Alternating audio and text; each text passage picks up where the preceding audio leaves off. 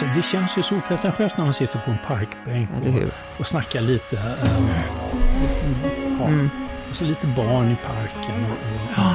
får- Efterhängsna barn som aldrig gick därifrån. De gick aldrig därifrån. Få- Fåglarna gillade oss också. Det är någonting, något tortyrartat. Ja,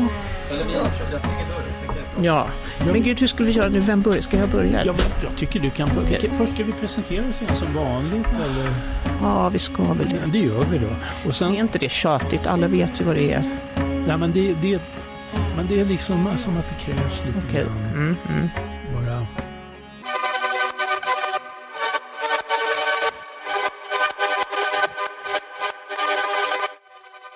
Hej Clemens! Ja men hallå Ulrika, välkommen till eh, i själva verket vår eh, lilla konstpodd.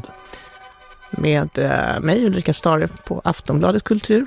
Och Clemens Böllinger är konstkritiker på Svenka Dagbladet. eh, sist vi såg så var vi ju på den här uttjatade Venedigbiennalen. Ja, den är uttjatad för vi har nämnt den eh, typ varje, varje podd vi har haft och det, det är ju för att vi längtade dit och för att det var så länge sedan den var. Den blev uppskjuten ett år av, efter pandemin. Och förra gången så direktsände vi från en parkbänk strax bakom biennalområdet och det var ganska roligt. Det var rätt kul faktiskt. Men nu, ehm, nu ska vi inte tjata något mer om den. Eller?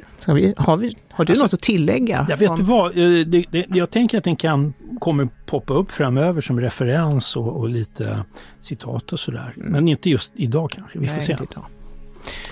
Jag fulländade min Venedigvistelse med att komma hem och bli sjuk. Så att jag eh, liksom missade hela den här Stockholm Art Week och Market Art Fair och alltihopa det där. Men det vet jag att du var på. Det kanske uh, vill prata om det? Eller Ja, vi det kan prata jag om mig? Nej, vi ja, vi, om kan, dig. vi kan prata lite om, om det, för det var ju en fin grej där är ju att eh, Ulla Viggen som är en svensk konstnär som eh, gjorde ett långt, långt uppehåll efter en uppmärksammad eh, utställning, verk i, på 60 och 70-talen. Eh, jobbade som psykoterapeut och jag målade lite porträtt men egentligen inte målade alls och sen har kommit tillbaks med bilder av så kallade irismålningar, alltså vårt öga som, som eh, då hon målar i olika format, men alla ganska stora med många, många fina tunna penselsträck skapar hon de här melerade ögonen och så i mitten så är det ju då en pupill som är som ett djupt svart hål att sjunka in i. De är lite som mandalor och och ställde ut dem på Galleri Belenius 2018 och nu har de fått jätteuppmärksamhet för dem.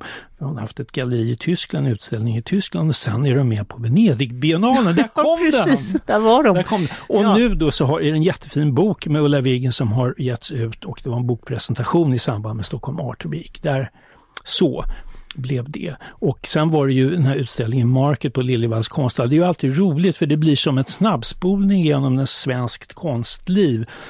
Dels eh, konstnärerna då som, som gallerierna tycker är lite eh, att någonting att visa upp, spännande sådär och en del blir ju en del fina separatutställningar som Teresa Traoré Dahlberg hade en fin avdelning på Andrén Shevchenko som jag kände för att lyfta fram i en liten grej jag gjorde därifrån. Och eh, sen så är det ju eh, eh, den delen av konstvärlden som kan tänkas köpa konst. Så man får se, se, så att säga, se galleristerna i säljartagen. Det är ju Mm, lite tjusigt med kritstrecksrand, lite och champagne och sådär. Så det, det är kul.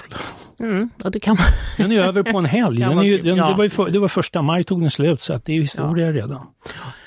Ja, det var mm, nästa år. Jag kommer igen nästa år helt enkelt. Precis. Men eh, ja, det jag gjorde istället för att gå på Market och Du tittar på TV. jag tittade på TV. Jag tittade på den konstnär som tycker att TV är verkligare än livet självt, nämligen Andy Warhol. Eh, det kom eh, på Netflix, lades det ut en dokumentär i sex delar i mars redan och den har inte jag liksom hunnit se förrän nu, men nu kunde jag ju nedbäddad se den. Och den är ganska kul. Väldigt utdragen förstås eftersom det är en serie. Allting ska vara serier men ja, jag blev ändå lite mer, mer intresserad av Andy Warhol än vad jag har varit på väldigt länge. Uh, vi kan ju försöka bena ut varför, men den serien heter alltså The Andy Warhol Diarist och bygger också på hans dagböcker som han skrev. Han skrev inte, han ringde in dem till en kvinna, en assistent som fick skriva Ja, ja, som ner det. ner. Han ringde Ja. på morgonen och berättade vad han hade gjort dagen innan. cowboy party with uh, Beavis brother in the movie Midnight Cowboy. With Viva's brother. You know, that was in the movie with Viva and her cowboy brother. Precis, och sen skriver hon ner och så är det ganska avskalat och ganska sådär, kanske inte bittert, men lite sådär, lite nonchalant. Och blasé. Själva, ja, blasé, själva dagbokstexten. Men i den här serien då så har man gjort någon sorts AI-modifiering av en skådespelares röst så att det låter som om det är Andy Warhol som faktiskt läser eh, sina, då, vid det här laget, ganska gamla dagböcker. De publicerades några år efter hans död, 89, han dog 87. Eh, och eh, ja, nu läser han dem nästan själv och det är ganska fascinerande. Alltså när den här släpiga, liksom ointresserade rösten som konstaterar. Han är ganska cynisk och liksom, ja, sådär. Eh, men hela serien eh, handlar egentligen, förutom lite grann om hans barndom och uppväxt, så är det ju, större delen är ju efter den här fatala eh, skottlossningen, ja, att han blev skjuten av Valerie Solanas. Eh, nu ska vi se, 68 var det och dagboken börjar då 76 men serien handlar inte så himla mycket om 60-talet tyvärr för att det är ju ändå 60-talet som är storhetstiden tänker jag. Ja, det, för det, The Factory. def, definiera honom så. Det var ju Ja. då han, han skapade sitt, sitt bästa övre. Ja, precis. Och eh, det blir ju lite sådär som att serien handlar om lite hur, hur det här traumat bearbetas helt enkelt. Att han blir skjuten och liksom, eh, ja, han flyr ju mer eller mindre bort lite grann, börjar hänga med kändis, alltså han blir lite så här planlös på något sätt under 70-talet och på 80-talet är han ju någon sorts föredetting bara som hänger runt och har ganska kul också i det här hedonistiska 80-talet. Eh, men vad jag, vad det var som fascinerar med serien, ja, det är väl kanske det här låtsasrösten som läser. Man kommer honom ju ganska nära, eller man tror i alla fall att man gör det. Det är liksom, det är personen som, är, som dissekeras liksom, i alla de här avsnitten. Uh, man psykologiserar hans utanförskap som både som barn till invandrade uh, slovaker, eller de kom från nuvarande Slovakien.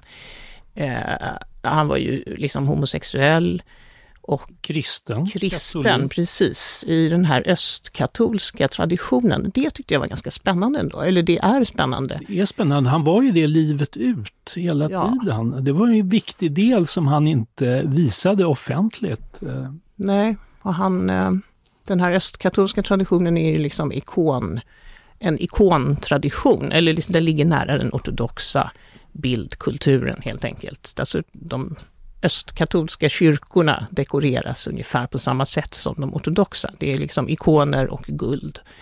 Och, då tänker jag på den här tidskriften som han eh, drog igång som hette Interview som hade ett Mm. stort, ganska magnifikt kändisporträtt på omslaget varje gång. Det var ju så att säga eh, ikoner Ja, som han, han presenterade då. Han var med i början eh, som, som, som presenterades och, och den här amerikanska kändiskulturen som eh, på sätt och vis i intervju var med och drog igång. Mm, precis. Och hela hans, han jobbade ju jättemycket med kändisporträtt som han, ja, det är också med lite grann i serien, de här ganska tråkiga, ärligt talat, porträtten. Men det var väl ett sätt att, ja, ett sätt att få det att gå runt. Han hade ju ändå en rätt stor industri. Han hade ju liksom, det var många som skulle leva på hans idéer också. Han var företagare, Ja, det får man väl säga. Företagare och eh, en entreprenör. Ja. Och i, ja, en PR-makare för, för sig själv. Vad tycker vi egentligen om Andy Warhol? Andy Warhols konst, ja, man kan, kan man separera den från Andy Warhol-personen? Det görs svårt för oss i och med att, att så att säga verken knyts ihop med den här kändispersonen som han blev och den här han blev ju själv till en ikon kan man säga. Eh, och han hjälpte ju till där genom sin vita peruk och sin, sin, sin, sitt utseende så att säga, och sin sfinxliknande tystnad egentligen om, om, om sig Mm. själv. Sin hemlighetsfullhet. Ja, si- och precis. Och sitt oempatiska, släpiga tal som du var inne på. Mm. Ehm, Men, men ehm, det är svårt att svara på. Står verken för sig själv? Det tycker ju så gott som alla museipersoner och så. Han är ju verkligen beundrad av kanske, kanske lite äldre museimän. Ja, kanske. Det är lite som att hans beundrarskaror är lite som Bruce Springsteen-grabbarna, tänker jag ibland. Fast en generation äldre kanske, eller nej, kanske samma Nej, det är nog samma generation. Det kan Det, vara samma. det är hans fanboys. Ja, att det är hans fanboys som man har lite svårt för, snarare än, En verk. än nej precis, än verken i sig. Fast det är ju serieproduktion. Hur många Ja. Marilyn Monroes klarar man av? Och, Precis, hur mycket kan man leva i en värld som strösslas fortfarande med Andy Warhol? Ja, varenda auktion är det med någon Andy Warhol-greja på i förhoppning att det ska bli prisrekord. Det är sant, det är sant. Och Men då, då tröttnar når- man ju lite på, på honom. Ja. Men eh, man kan dra sig till minnes till exempel utställningen på Moderna Museet 2008. Eh, där det visades väldigt mycket film. Det var en fin utställning. Väldigt snyggt sett också. Det var en fin utställning. Men det måste ju ha funnits någon rolig utställning de senaste 14 åren som man kommer ihåg. Nej, Ja, alltså just nu är det något på fotografiska Ja. med, med kändisporträtt precis. sen, som ju kommer tillbaks då och då. Ja, de måste väl liksom, de reser kring, Ja. de reser över jorden. Men, men på eh, något sätt så är det som att man eh, liksom lite nostalgiskt lyfter fram den här eh, epoken från, från när New York, när det var så hett och ball och, och Lou Reed och allt det där och Studio 54. Mm. Den, och, och om det inte var Factory in, decennierna innan. Mm. Liksom. We're sponsoring a new band. It's called the Velvet Underground, and um, and we're trying to. When, since I don't really believe in painting anymore, I thought it would be a nice way of combining, uh, and we have this chance to combine music and, and art and uh, uh, films all together. And, uh, då när New York fortfarande var en farlig stad, alltså eller på något sätt en kreativ och Ja. rätt riskabel, lite, lite smutsigare än vad det är nu i alla Och, fall. och, och många, många fotoböcker med, med bild, svartvita bilder från de här klubbarna och de här eh, stadsdelarna som man nu kan promenera i som Alphabet City. När det, det var ju liksom livsfarligt då. Man, Mm. New York höll ju på att gå bankrutt 1976. Ja. Lagom till den här bicentennial de hade. Just det. Det ger ju en aura till den här epoken. Ja. Ja, det gör det. Men det kan inte bara vara nostalgi. Det är väl kanske också, han var ju väldigt före sin tid. Det är ju liksom, det, det är på något vis väldigt stilenligt den här med AI, robotrösten. Alltså att han var ju själv väldigt teknikintresserad och liksom ville ju också skapa någon robotkopia av sig själv. Och han gjorde tv och liksom före MTV, de höll på med liksom musikvideos och ja, Verkligen. Jag tänker att idag skulle han ju vara så digital. Han skulle vara en NFT-konstnär. Exakt, och hur många memes som helst. Exakt, verkligen. Han kanske bara skulle drunkna och bli en sån här influencer-kung. Ja, precis. Han skulle ju ha någon som skötte, skötte hans Insta, Instagramkonto i vilket fall. Ja, sant. Men det kom också i och för sig fram i den här dokumentären att han, det påstår de ju där i alla fall, att han eh, aldrig nådde konstvärldens hjärta under sin livstid. Det där är jag svårt att, jag, är- jag är osäker på om det verkligen stämmer. Men i dokumentären så är det i alla fall ett ganska långt citat av en eh, konstkritiker i Time Magazine. Kan ju läsa nu den här, det här är översättningen från filmen, så den är lite konstig, men Warhol såg med samma autistiska blick på hjältar som hjältinnor. Det enda man tar med sig är kändisskapets likriktning, tusentals självrefererande tecken, en bildserie utan ände. Berövad varje nyans utöver tryckmissarna. Konstbetraktande som tv-tittande snarare än utforskande av duken. Känns ju väldigt tidstypiskt att, att slå ner på det på 70-talet. Eh, Warhol är nästan lika berömd som Picasso, åtminstone sett till hur omtalad han är. Men där Picasso var känd för sin energi och maskulinitet är Warhol känd för passivitet, passivitet och asexualitet. Ganska, så skriver inte konstkritiker nu för tiden. Nej, det, det, Eller törs, hur? det törs de nog inte. Nej, jag tror inte, jag tror inte att jag skulle... Eller jag Nej, vet jag- inte, sådana personpåhopp är ju inte så vanliga. Det där får mig att tycka lite synd om Warhol. Han, han, Ja, var, han var ju väldigt tidig, som du säger, han var ju en pionjär på att dra in reklamen, reklamen i Mm. konstvärlden och, och, blanda genrer. eh. Mm. Men eh, konstvärlden värjde sig, eller åtminstone den här kritiken. Jag vet inte hur, om det också är en myt som byggs i den här dokumentären, ärligt talat, att konstvärlden skulle vara så. Menar, galleristerna älskade ju honom, Han såklart. väldigt omhuldad. Ja, han som- sålde väl som smör, men det var väl, ja, det var väl en och annan sur kritiker som spjärnade emot och längtade efter måleri, antagligen. Mm. Han, Ja. hade, han hade ju de här lite politiska fina verken med, med där han sa någonting, tycker jag, med elektriska stolen som ti- Mm. Ja. tidigt. Det var ju en protest. Alltså. Ja. Det fanns ju ett djup där, tycker jag. Ja, verkligen. Verkligen, det tycker jag också. Det, men eh, han var kanske en outcast, ja, oklart. Men eh, hur som helst en sevärd eh, serie tycker jag. Faktiskt. Precis, det går ju inte att komma förbi Andy Warhol så att säga i modern konsthistoria. Det, Nej. det gör det inte. Det gör det inte.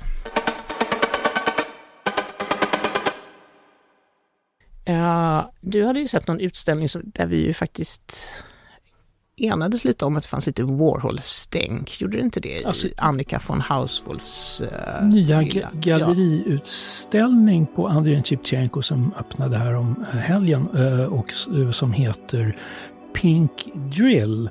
Och det är en, en rosa borr som, alltså, som, som, som en skruv då som i centrum av bilden och så är det rastrerat fotografi som man måste gå bort väldigt grovt rastrerat. Man måste gå bort en bit för att se att det är eh, några människor där som, som står kring den där borren. Och sen eh, det jag tänker på är det, det, eh, det som är Warhol i... det, det påminner om silkscreentryck lite grann. Mm. Hon, hon, Annika von Hausholt har blivit allt mer digital med åren och det här är ju upphittade bilder eller bilder hon har valt från nyhetsmedia och sånt och de kretsar kring hål. Och då finns det en bild på ett skotthål som är sådär eh, skär och grön i en färgställning som påminner lite. Mm. om Det skulle kunna vara något av Warhol. Och så är det något lite våldsamt också eftersom det är ett skotthål. Det skulle också kunna, i alla fall tänkte, associerade jag Mm, Ja, lite, ja. ja. lite dumt. Ja, alltså det är inte som att det är, inte som att det är så likt. Men, Nej, nej, men ändå. färgerna i, i sin...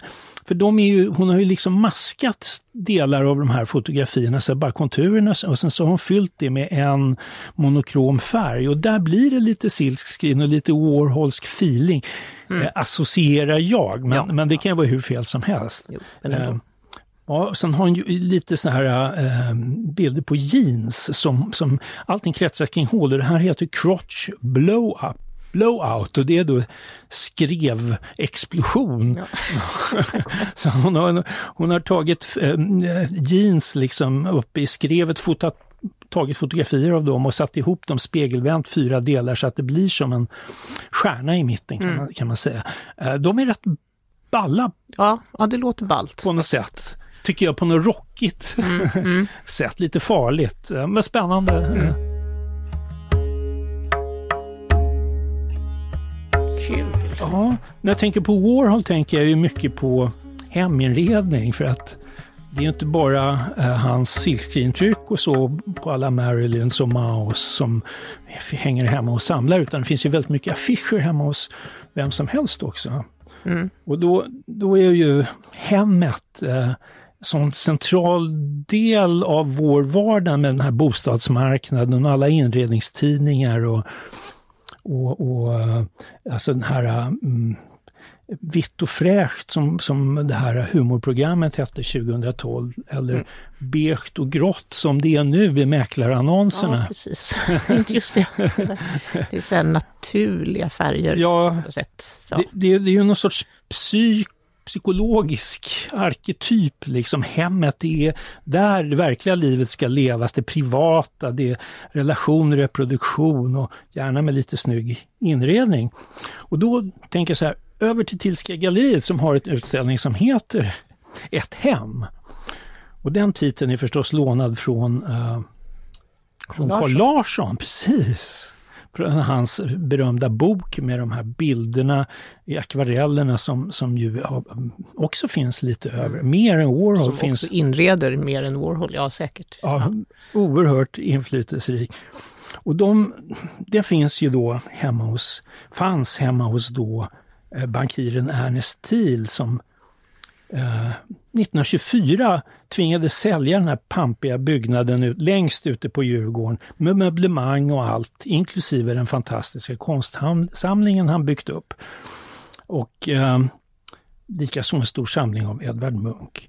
Och det var ju då aktiemarknaden, lite påminnande om idag, som kapsejsat. Eh, så Thiels förmögenhet den, den krympte drastiskt och så var det också ett kraschat äktenskap i bakgrunden.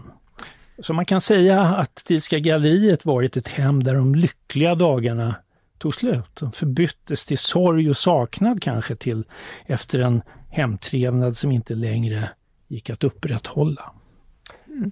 Och då tänker jag att den här sorgen och saknaden, den genomsyrar utställningen Ett hem på, på Thielska nu som eh, före detta, nej, Åsa Cavalli Björkman har gjort. Hon är ny chef på, på och förut så var hon på Karl Elds ateljémuseum och, och där mixade hon ju in samtidskonst bland alla fantastiska Mm. Du, eller hur? Ja, det gjordes ju väldigt fint faktiskt. Subtil, subtilt och Ja. fint och då var det bara en konstnär Mm. per sommar som en sommarutställning. Precis. Det var ju Väldigt litet, litet museum också. intimt Ja, museum. Men med, med, med lätt hand och väldigt elegant mixade Mm. hon in samtidskonsten tillsammans med konstnärerna förstås. Och, och det är ju ett grepp, att, att ta in samtidskonst till sekelskiftet 1900, det funkar rätt bra. Mm. Och det har hon gjort på Thielska också, den här gången med sju konstnärer. Eh, så den högborgerliga bostaden osäkras så att säga Mm, av, mm. av samtidskonst. Då, då, då, ser, då så koll, jag fastnade särskilt för Helene Schmitz, en fotograf som hennes stora, stora bilder från 1994. Eh, det var en brand som, som eh, em, hennes barndomshem på Strandvägen, tjusigt barndomshem.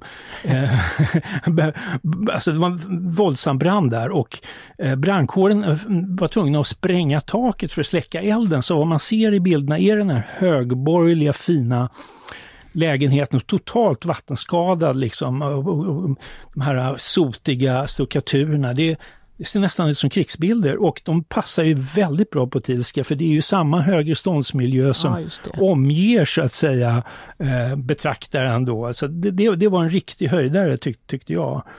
Ehm, Sen så, det, det är ju saknaden som efter, och melankolin efter hem som inte längre finns, som går igen i, i Cyrus Namasis eh, konst. Eh, han har återskapat delar av interiören från det hem i Iran hans familj tvingades att fly ifrån. Och det är ju ett handfat bland annat och en sån här lite orientalisk takkrona och de här har ju visats tidigare men, men de funkar väldigt fint även på Thielska och sen har han adderat ett nytt verk, eller i alla fall ett verk som inte jag har sett förut, som heter Doors. Och det är en cylindrisk filigran liksom som liten ja, en cylinder som snurrar med hjälp av, av några kretskort och sådär så öppnas och stängs dörrar medan den snurrar.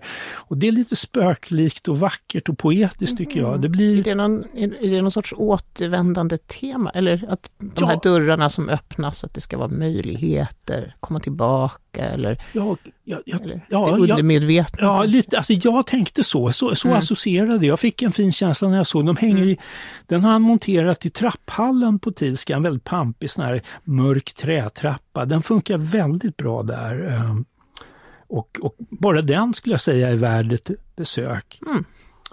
Och sen är det ju en, ja, det är många, många, det är sju konstnärer, många grejer men men på något sätt så kan man filosofera över hemmets betydelse idag. Det här Thielska hemmet är ju så overkligt i sin praktfullhet. Men så kommer de här äh, andra bilderna och, och påminner om att, att alltså hem, det är, det är ju ingenting för, e- man har för evigt utan det Nej. kommer och går. Ganska aktuellt nu med flyktingskap från krig och ja, det är inte, ja, det är väl aktuellt hela tiden. Ja men verkligen, det- verkligen nu äh, det- ak- aktuellt. Vad tar man med sig? Vad kommer man ihåg? Ja, Precis. Tillfälliga boenden. Mm. Ja, men precis, verkligen. eh, Det är ett spännande tema faktiskt. Och just den där, i, i krocken då med den här fantastiska hemmet som, ja, Thiel, som de ändå hade där. ja, hade det några Även år. Ulf Linde hade ganska länge, fast det är ju inte det hem. Men alltså han Nej. var ju, när, när han chefade över Thielska så Det gjorde han ju Bodde han ju rejält. där. eh, precis. också, mm, bra, bra läge, bra chefsjobb. Ja, det är, det är, Eller det var det. det är, jag tycker hemmet är ju ett intressant tema för en utställning. Och nu med den här eh, stora flyktingvågen så tänker jag att det finns, att den tänker jag kommer ta sig eh, konstnärliga uttryck framöver. Ja. Jag är spänd, hörru du.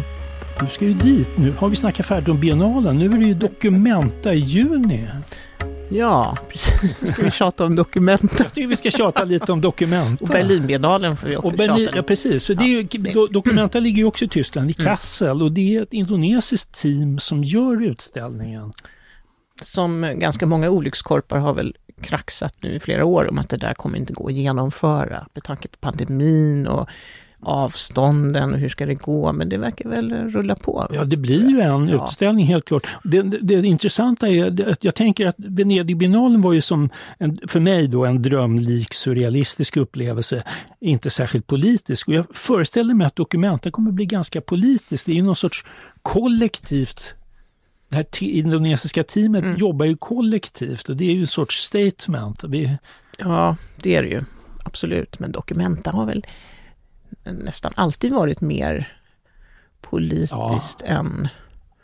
Ja, det väl, oh gud, nu, kan jag, nu borde jag repeterat Documentas historia. ja, men, ja, ja. Nej, men jag- jo, men det, det- det, är ett påstående jag skriver under Ja, på. men den Eh, skapades ju för någon sorts, jag menar efterkrigsvästvärld som skulle liksom repa sig och visa upp sin kultur. rehabilitera Ja, förbundsrepubliken precis, Tysklands ja. anseende. Och därför har man väl varit också ganska, gång på gång varit ganska tvungen mer eller mindre att göra en, en radikal politisk utställning för att det inte ska se ut som en nationalistisk eh, liksom, process på något sätt. Eller förstår du vad jag menar? Jag Alltså, förstår. ja. Precis. Jag är så nyfiken på, eh, jag kommer tyvärr inte åka dit, men jag är så avundsjuk lite grann och kanske också skönt. Nej, men- Nej då. Men, men eh, så, så, så, så nyfiken på hur det blir. Jag kommer lusläsa, eftersom jag är tyskspråkig, då kommer jag lusläsa Ja, ja, den här ja. tyska receptionen. Vad de, då för de eh, tyska kritikerna är ju bra mycket elakare än vad vi är. ja, det är så. Ja, de är rätt tuffa, en del av dem. Mm. De är inte sådär så att de går på person som den här. Nej, och sen så är de ju så ofta lite på den här fina följetongdelarna så är de så lite akademiker så det blir ju verkligen att de, att de slår ner med akademisk batong så att säga på, Okej. på utbudet. Vi får väl se. Mm. Ja, det ska bli spännande, verkligen. Även Berlin. Gud, Ja, vad, vad, vad säger du om Berlin? Ja. Berlinbiennalen ser jag jättemycket fram emot, för den kureras ju i år av Kader Attia. Så jag eh, har förväntningar, helt Ja. enkelt. Han, det är ju en konstnär som, som har, eh, jag vet, jag, visst var det han som gjorde, eh, jag tror det var på en Documenta, skulpturer, jättemånga i trä av, och, av ansikten, soldater som hade sårats svårt i första världskriget. Fruktansvärd sak, väldigt gripande Verkligen. och som aktualiseras nu av, av, av de här eh, massakrerna som pågår i Ukraina. Mm. Ja, att, ja, precis. Det var ju ett helt rum, väl, med alla möjliga artefakter ja. och foton och allting. Just det, Där man verkligen såg hur, ja, hur krig ser ut. ja, bortskjutna ha- halva Ja, ansikten. Mm. på människor som fortsatte leva med detta. Ja. Så gräsligt och så aktuellt. Så att han kurerar. Att dit, Det blir nog dit en... ska vi. Ja, jag tänker mig att det blir någonting eh, ganska så, så hårt. Yes. Jag tror det. Kontrast mot den här mjuka, mjuka Venedigbiennalen. Nej, den var inte så mjuk. Jag tar tillbaks. Nej, vi vi låter se- oss överraskas. Ja, vi, vi, vi tar det nästa gång. Ja, efter en currywurst och, och, och några Precis, öl. någonting sånt. Det blir en- liksom en, en vecka med korv, korv och diet helt enkelt i Tyskland. Ja, Ja. det hör till. Venedig är ju en veckas diet på, på alltså, vitt mjöl, pasta, panini, pizza. Mm, exakt, Det så, så man äta sallad i veckor när man kommer hem. exakt. Och i Tyskland blir det då olika former av kött. Ja. Mycket gris. Om man äter, om man äter kött, kanske ska tilläggas, det är, inte, det är faktiskt inte alla som gör, men ja, Det- det- vi får nej. se, vi får se. Ehm, ja, men det är någonting att se fram emot. Men jo, inom parentes faktiskt, ett hem hade jag kunnat avbryta dig, men det gjorde jag inte. Eh, en av Andy Warhols älskare, Jed Johnson, han jobbade ju faktiskt som heminredare. Framgångsrik heminredare för massa kändisar. Inredde även deras hem, eh, utan kanske verk av Warhol, men eh, ja, en Mm. sån här otroligt överlastad liksom krimskrams-stil som rika amerikaner väl alltid vill ha, tror jag. Alltså, det ska se ut som ett, det ska se ut ungefär som Thielska, tror jag. Eller idealet, tunga möbler, mycket dekoration. Det, det är intressant eh, hur heminredningsmodet växlar. eh, Och, och, och, och, jag, tän- eh, det här som han gjorde, det, det är så daterat idag kan man säga. Ja, det får man väl hoppas. Alltså, jag är inte säker på att det är daterat där, men jag kan säkert ha jätte, jättefel. Mina slutsatser om amerikansk heminredning Så vi måste, bara vi från, måste göra, från fiktionen. Ja, vi måste göra åka dit. studiebesök eller Ja. se mer amerikanska filmer. Precis, precis. Men om man tittar på, ja, I överklassmiljö. ja dessutom. Har vi något mer att prata om egentligen? Så jag tror, tror att vi eh, tråkar ut våra eh, lyssnare om vi fortsätter. Ja, det här Ska vi, ska vi runda av? Vi rundar av. Ja, Vi det, får säger du, hej då. ja, det gör vi. Tack. Tack. Du har lyssnat på en podcast från Aftonbladet och Svenska Dagbladet. Ansvarig utgivare är Anna Kareborg.